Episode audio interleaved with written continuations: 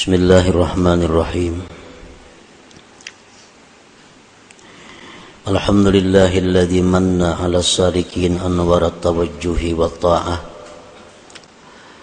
وعلى الواصلين أنوار المواجهة والمشاهدة.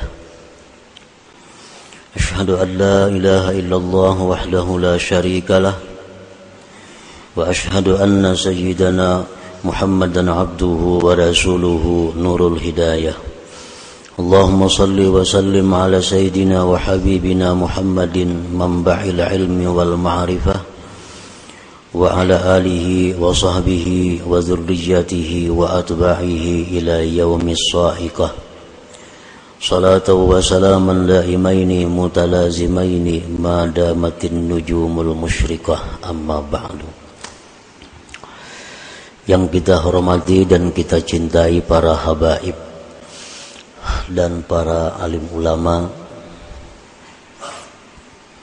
yang kita hormati Bapak Haji Muhyiddin Wali Kota Madia Banjarmasin beserta rombongan para muhibbin hadirin dan hadirat rahimakumullah. Alhamdulillah kita panjatkan puji dan syukur kehadirat Allah yang telah memberikan kita taufik dan hidayah serta inayah sehingga kita pada malam ini dapat berkumpul kembali bersama-sama di majlis yang penuh berkah dan rahmah ini. Salawat dan salam untuk junjungan kita Nabi besar Muhammad sallallahu alaihi wasallam dan kepada keluarga, sahabat, zuriat dan pengikut beliau sampai hari akhir nantinya. Para muhibbin rahimakumullah. Al-hikmatul hadi wa thalathun min al-hikamil ataiyah. Qala al-imam Ahmad ibnu Ata'illah as-Sakandari rahimahullah nafa'ana bi'ulumih hikmah yang ke-31 dari Al-Hikam. Berkata Imam Ahmad bin Athaillah As-Sakandari rahimahullah. Ihtadar rahilun ilaihi bi anwarit tawajjuh wal wasiluna lahum anwarul muwajahah. Fal awwalun lil anwar wa haula al anwaru lahum. Li'annahum lillah la li syai'in dunah. Qulillah thumma dharhum bi khawdihim yal'abun. Terjemahnya maknanya adalah telah mendapat petunjuk. Orang-orang yang berjalan menuju Allah. Dengan cahaya-cahaya tawajjuh. Sedangkan orang-orang yang telah sampai bagi mereka itu cahaya-cahaya muwajahah maka orang-orang yang pertama orang-orang yang berjalan menuju Allah tadi lil anwar. Untuk cahaya-cahaya. Sedangkan mereka itu orang-orang yang telah sampai cahaya adalah milik mereka. Karena mereka itu lillah bagi Allah la li syai'in dunah bukan untuk sesuatu selain Allah. Kulillah katakanlah Allah. Thumma dharhum kemudian tinggalkan mereka itu. Bi khawdihim yal'abun Bermain-main dalam permainan mereka. Nah itulah kurang lebihnya terjemah Arti daripada hikmah yang ke-31 dari kitab Al-Hikam ini.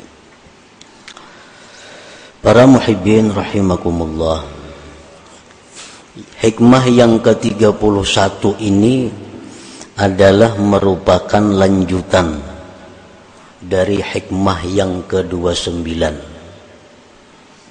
30 31 di mana dalam hikmah yang ke-29 itu pengarang telah menjelaskan kepada kita perbedaan yang jauh antara orang yang salik menjalani jalan Allah dibandingkan dengan orang yang telah sampai kepada makam musyahadah makam menyaksikan Allah subhanahu wa ta'ala. Perbedaan-perbedaan itu telah disebutkan oleh beliau antara lain dalam minggu-minggu yang dahulu beliau menyebutkan bahwa perbedaan antara orang yang dalam perjalanan dengan orang yang telah sampai Perbedaannya adalah orang yang dalam perjalanan itu ilmunya masih sempit. Sedangkan orang yang telah sampai itu ilmunya sangat luas sehingga mereka bisa memberikan ilmu kepada kita dengan pengetahuan-pengetahuan yang Allah berikan kepada mereka itu. Nah, perbedaannya lagi antara orang yang dalam perjalanan dengan orang yang telah sampai itu adalah inna salika bi sayrihi ilallahi ta'ala yasiru bi anwarit tawajjuhi ay anwarit ta'ati zahirati wal batinah seseorang yang salik seseorang yang berjalan mendekati Allah. Seseorang yang berusaha untuk mencapai kedudukan yang tinggi di sisi Allah, yaitu golongan yang disebut ahlillah. Nah, mereka itu dalam perjalanannya kepada Allah tadi berjalan dengan cahaya-cahaya tawajuh Arti tawajuh itu adalah taat yang zahir dan batin. Nah, inilah kendaraannya untuk menuju Allah. Taat zahir dan batin. Jadi apabila kita hendak dekat dengan Allah, kita hendak masuk dalam golongan ahlillah, cara mendekatinya adalah memakai kendaraan taat zahir dan batin. Nah, hanya itu yang bisa menyampaikan kita kepada golongan yang khusus dengan Allah Subhanahu wa taala tadi.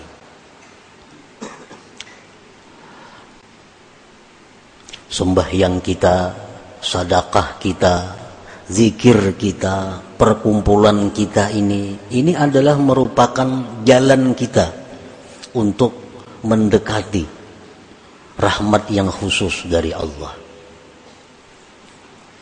Nah, sembahyang, zikir, sedekah itu adalah namanya tawajuh. Disebut tawajuh.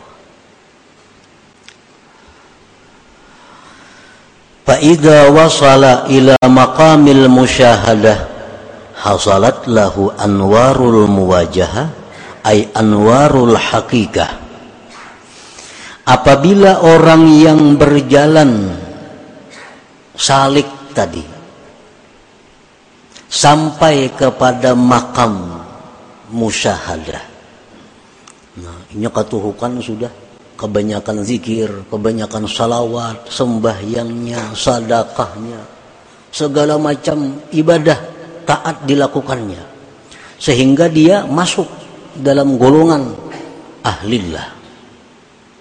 Nah di situlah dia akan diberi Allah anwar muwajahah. Akan diberi Allah cahaya musyahadah. Di mana di saat itu dia bisa menyaksikan Allah, bisa melihat Allah dengan mata hatinya. Nah, pada ketika sampai dalam kedudukan itu, dia tidak berhajat lagi kepada taat-taat tadi. Sudah sampai. Karena berhajat lagi kepada taat-taat tadi, seperti berhajatnya dia pada waktu permulaan. Nah, permulaan kita perlu banyak sembahyang. Permulaannya kita perlu banyak zikir. Permulaannya kita perlu banyak salawat Permulaannya kita perlu banyak menuntut ilmu. Ini adalah mempercepat jalan kita menuju menuju Allah Subhanahu wa taala. Nah, bila mana sudah sampai kita kepada kedudukan di mana dalam kedudukan itu kita bisa musyahadah kepada Allah, maka ibadah-ibadah yang kita lakukan tadi tidak kita perlukan lagi. Nah, tidak kita perlukan lagi. Kenapa? Karena sudah sampai. Nah, di saat kita duduk di makam musyahadah itu, seluruh gerak-gerik kita, baik kedip mata kita, gerak tangan kita, napas kita, seluruhnya adalah ibadah kepada Allah. Kalau sudah kita duduk di musyahadah itu. Makan kita ibadah, minum kita ibadah, guring kita ibadah, ke mana pun kita berjalan ibadah. Ini kalau sudah kita sampai di kedudukan musyahadah itu. Imam Ghazali mengatakan dalam kitab Ihya Ulumuddin, Inna lil arif bi kulli nafasin darajata alfi syahid. Bahwa satu nafas orang yang makrifat kepada Allah itu lebih tinggi nilainya dari seribu orang syahid. Satu nafas satu napas orang yang sudah duduk dalam makam musyahadah itu napasnya itu nilainya lebih tinggi dari seribu sahid.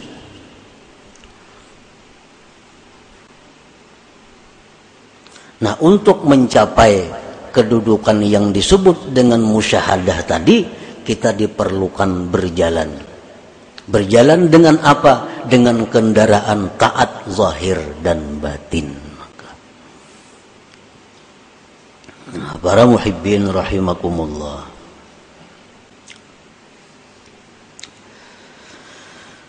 At-ta'atu zahiratu la tujiddu sayra ilallah illa biqtirani ta'atil batinatil asyarah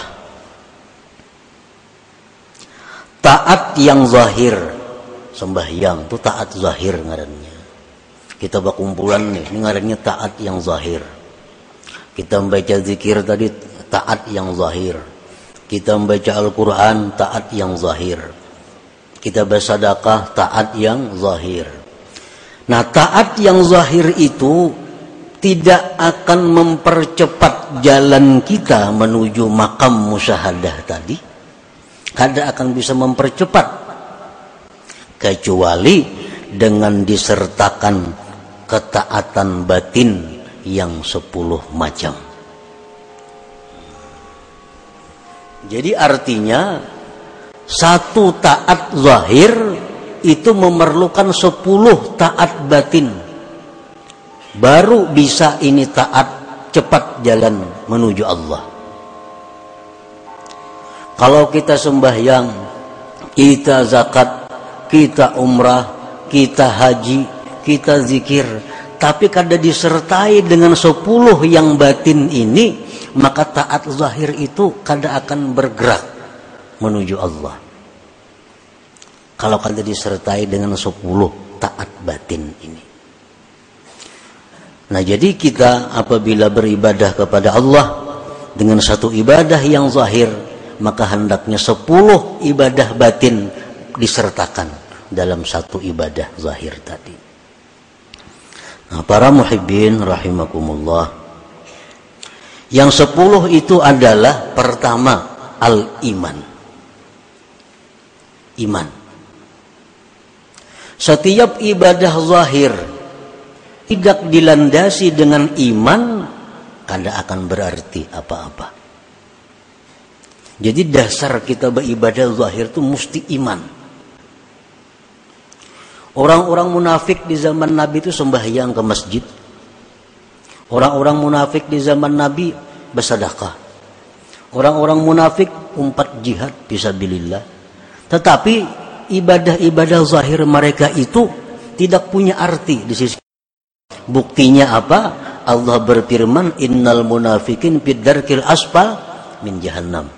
Orang munafik itu di dasar paling bawah neraka jahanam. Padahal mereka jihad. Padahal mereka ke masjid. Nah, kenapa? Karena dasar iman kadada. Jadi mesti ibadah zahir itu didasari iman. Contohnya Rasulullah Shallallahu Alaihi Wasallam bersabda, "Man sama Ramadana imanan." Nah, ada lagi hadis lain, "Man qama Ramadana imana." Siapa yang beribadah bulan Ramadan, puasa bulan Ramadan, imana karena beriman. Nah, jadi kita beribadah zahir ini yang pertama adalah karena kita beriman. Itu modalnya mesti didasari iman. Mesti didasari kepercayaan kepada Allah. Iman. Yang kedua, ibadah zahir itu mesti disertai dengan ikhlas. Disertai dengan ikhlas. Disertai dengan satu motivasi menjunjung perintah Allah. Satu imbiaz dalam istilah bahasa agamanya. Dorongannya adalah menjunjung perintah Allah. Sembahyang ini didorong perintah Allah. Puasa didorong perintah Allah. Sadakah didorong perintah Allah. Ikhlas. Tanpa ikhlas itu bagaimanapun banyaknya ibadah zahir kita ditolak oleh Allah. Ditolak oleh Allah ikhlas. Yang ketiga, ibadah zahir itu mesti disertai asabru sabar. Sabar. Orang yang beribadah itu memerlukan kesabaran. Sabar dalam melawan hawa nafsu, sabar dalam mengerjakan ibadah. Termasuk kesabaran adalah at-ta'anni, perlahan. Kalau kita umpamanya berwirid, kita berzikir, bujur aja sudah karena iman, bujur sudah karena ikhlas, tapi kada sabar, kada pelahan. Kayak sembahyang tuh kan subhanallah, subhanallah 33 kalau Nah, inyak ada sabar, banallah, banallah, banallah, banallah. Nah, apa banallah, banallah lagi dibaca. Kada ada artinya lagi ban Allah ban Allah. Berlak berlak berlak berlak Allahu Akbar membaca. Nah, karena kada ada kesabaran. Orang sembahyang memerlukan kesabaran. Orang puasa memerlukan kesabaran menjaga mata, telinga, tangan dan sebagainya. Nah, jadi ibadah zahir yang kada disertai dengan sabar akan sia-sia. Sabar. Yang keempat, ibadah zahir itu mesti disertai hudurul kalbi. Nah, kehadiran hati. Di waktu kita mengucap Allahu Akbar, hati kita ini mestinya hadir Allahu Akbar. Di waktu kita sembahyang tuh ruku, hati kita tuh hadir, kita ini sedang ruku. Nah, di waktu kita membaca Fatihah, hati kita misalnya di rumah, nah itu ngarannya kada hadir hati.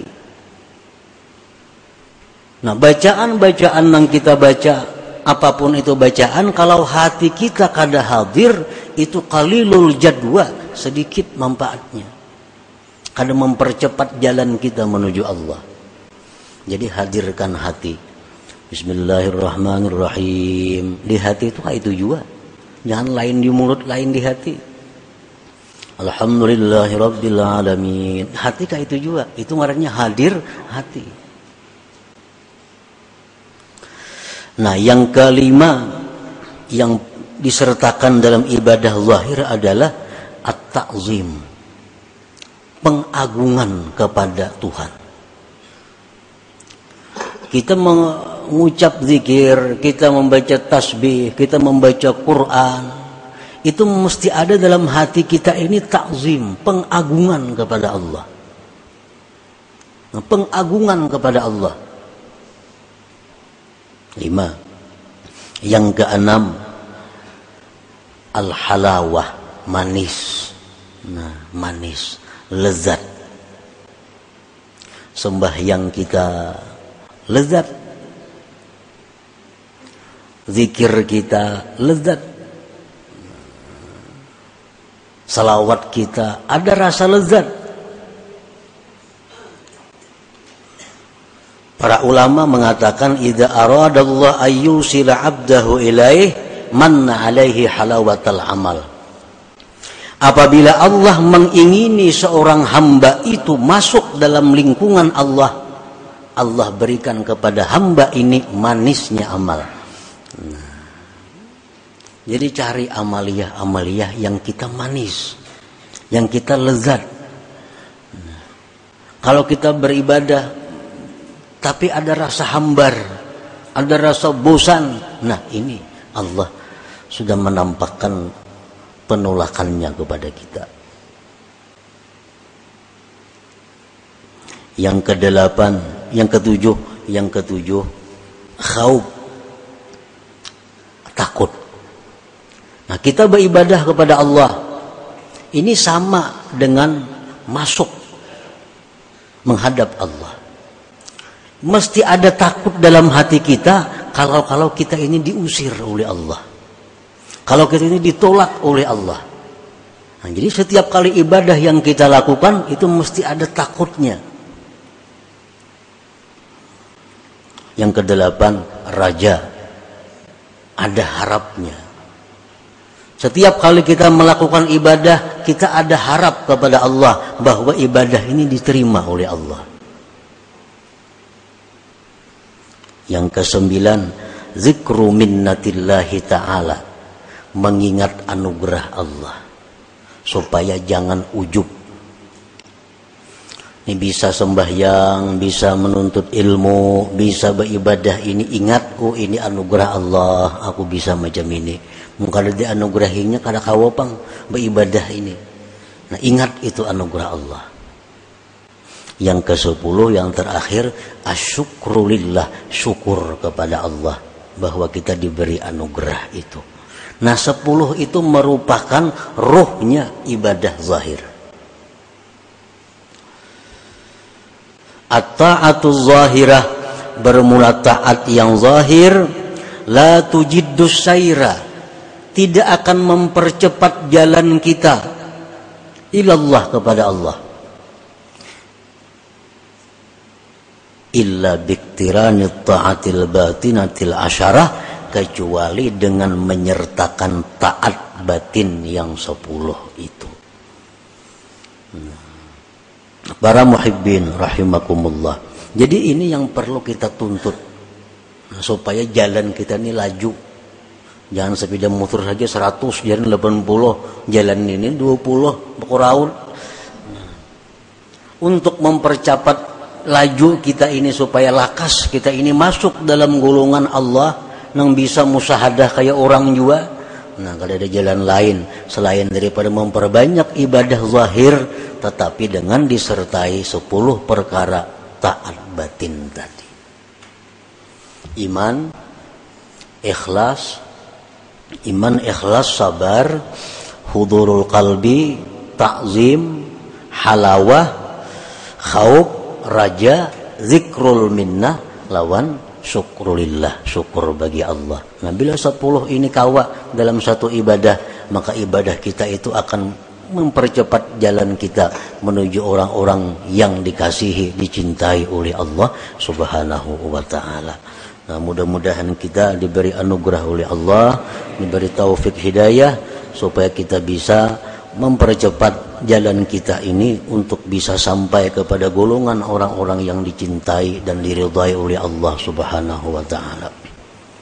Ya Allah biha ya Allah biha Allah bihusnil khatimah ya Allah biha ya Allah biha يا الله بحسن الخاتمة يا الله بها يا الله بها يا الله بحسن الخاتمة. فيا أيها الرجل منه شفاعة صلوا وسلموا تسليما.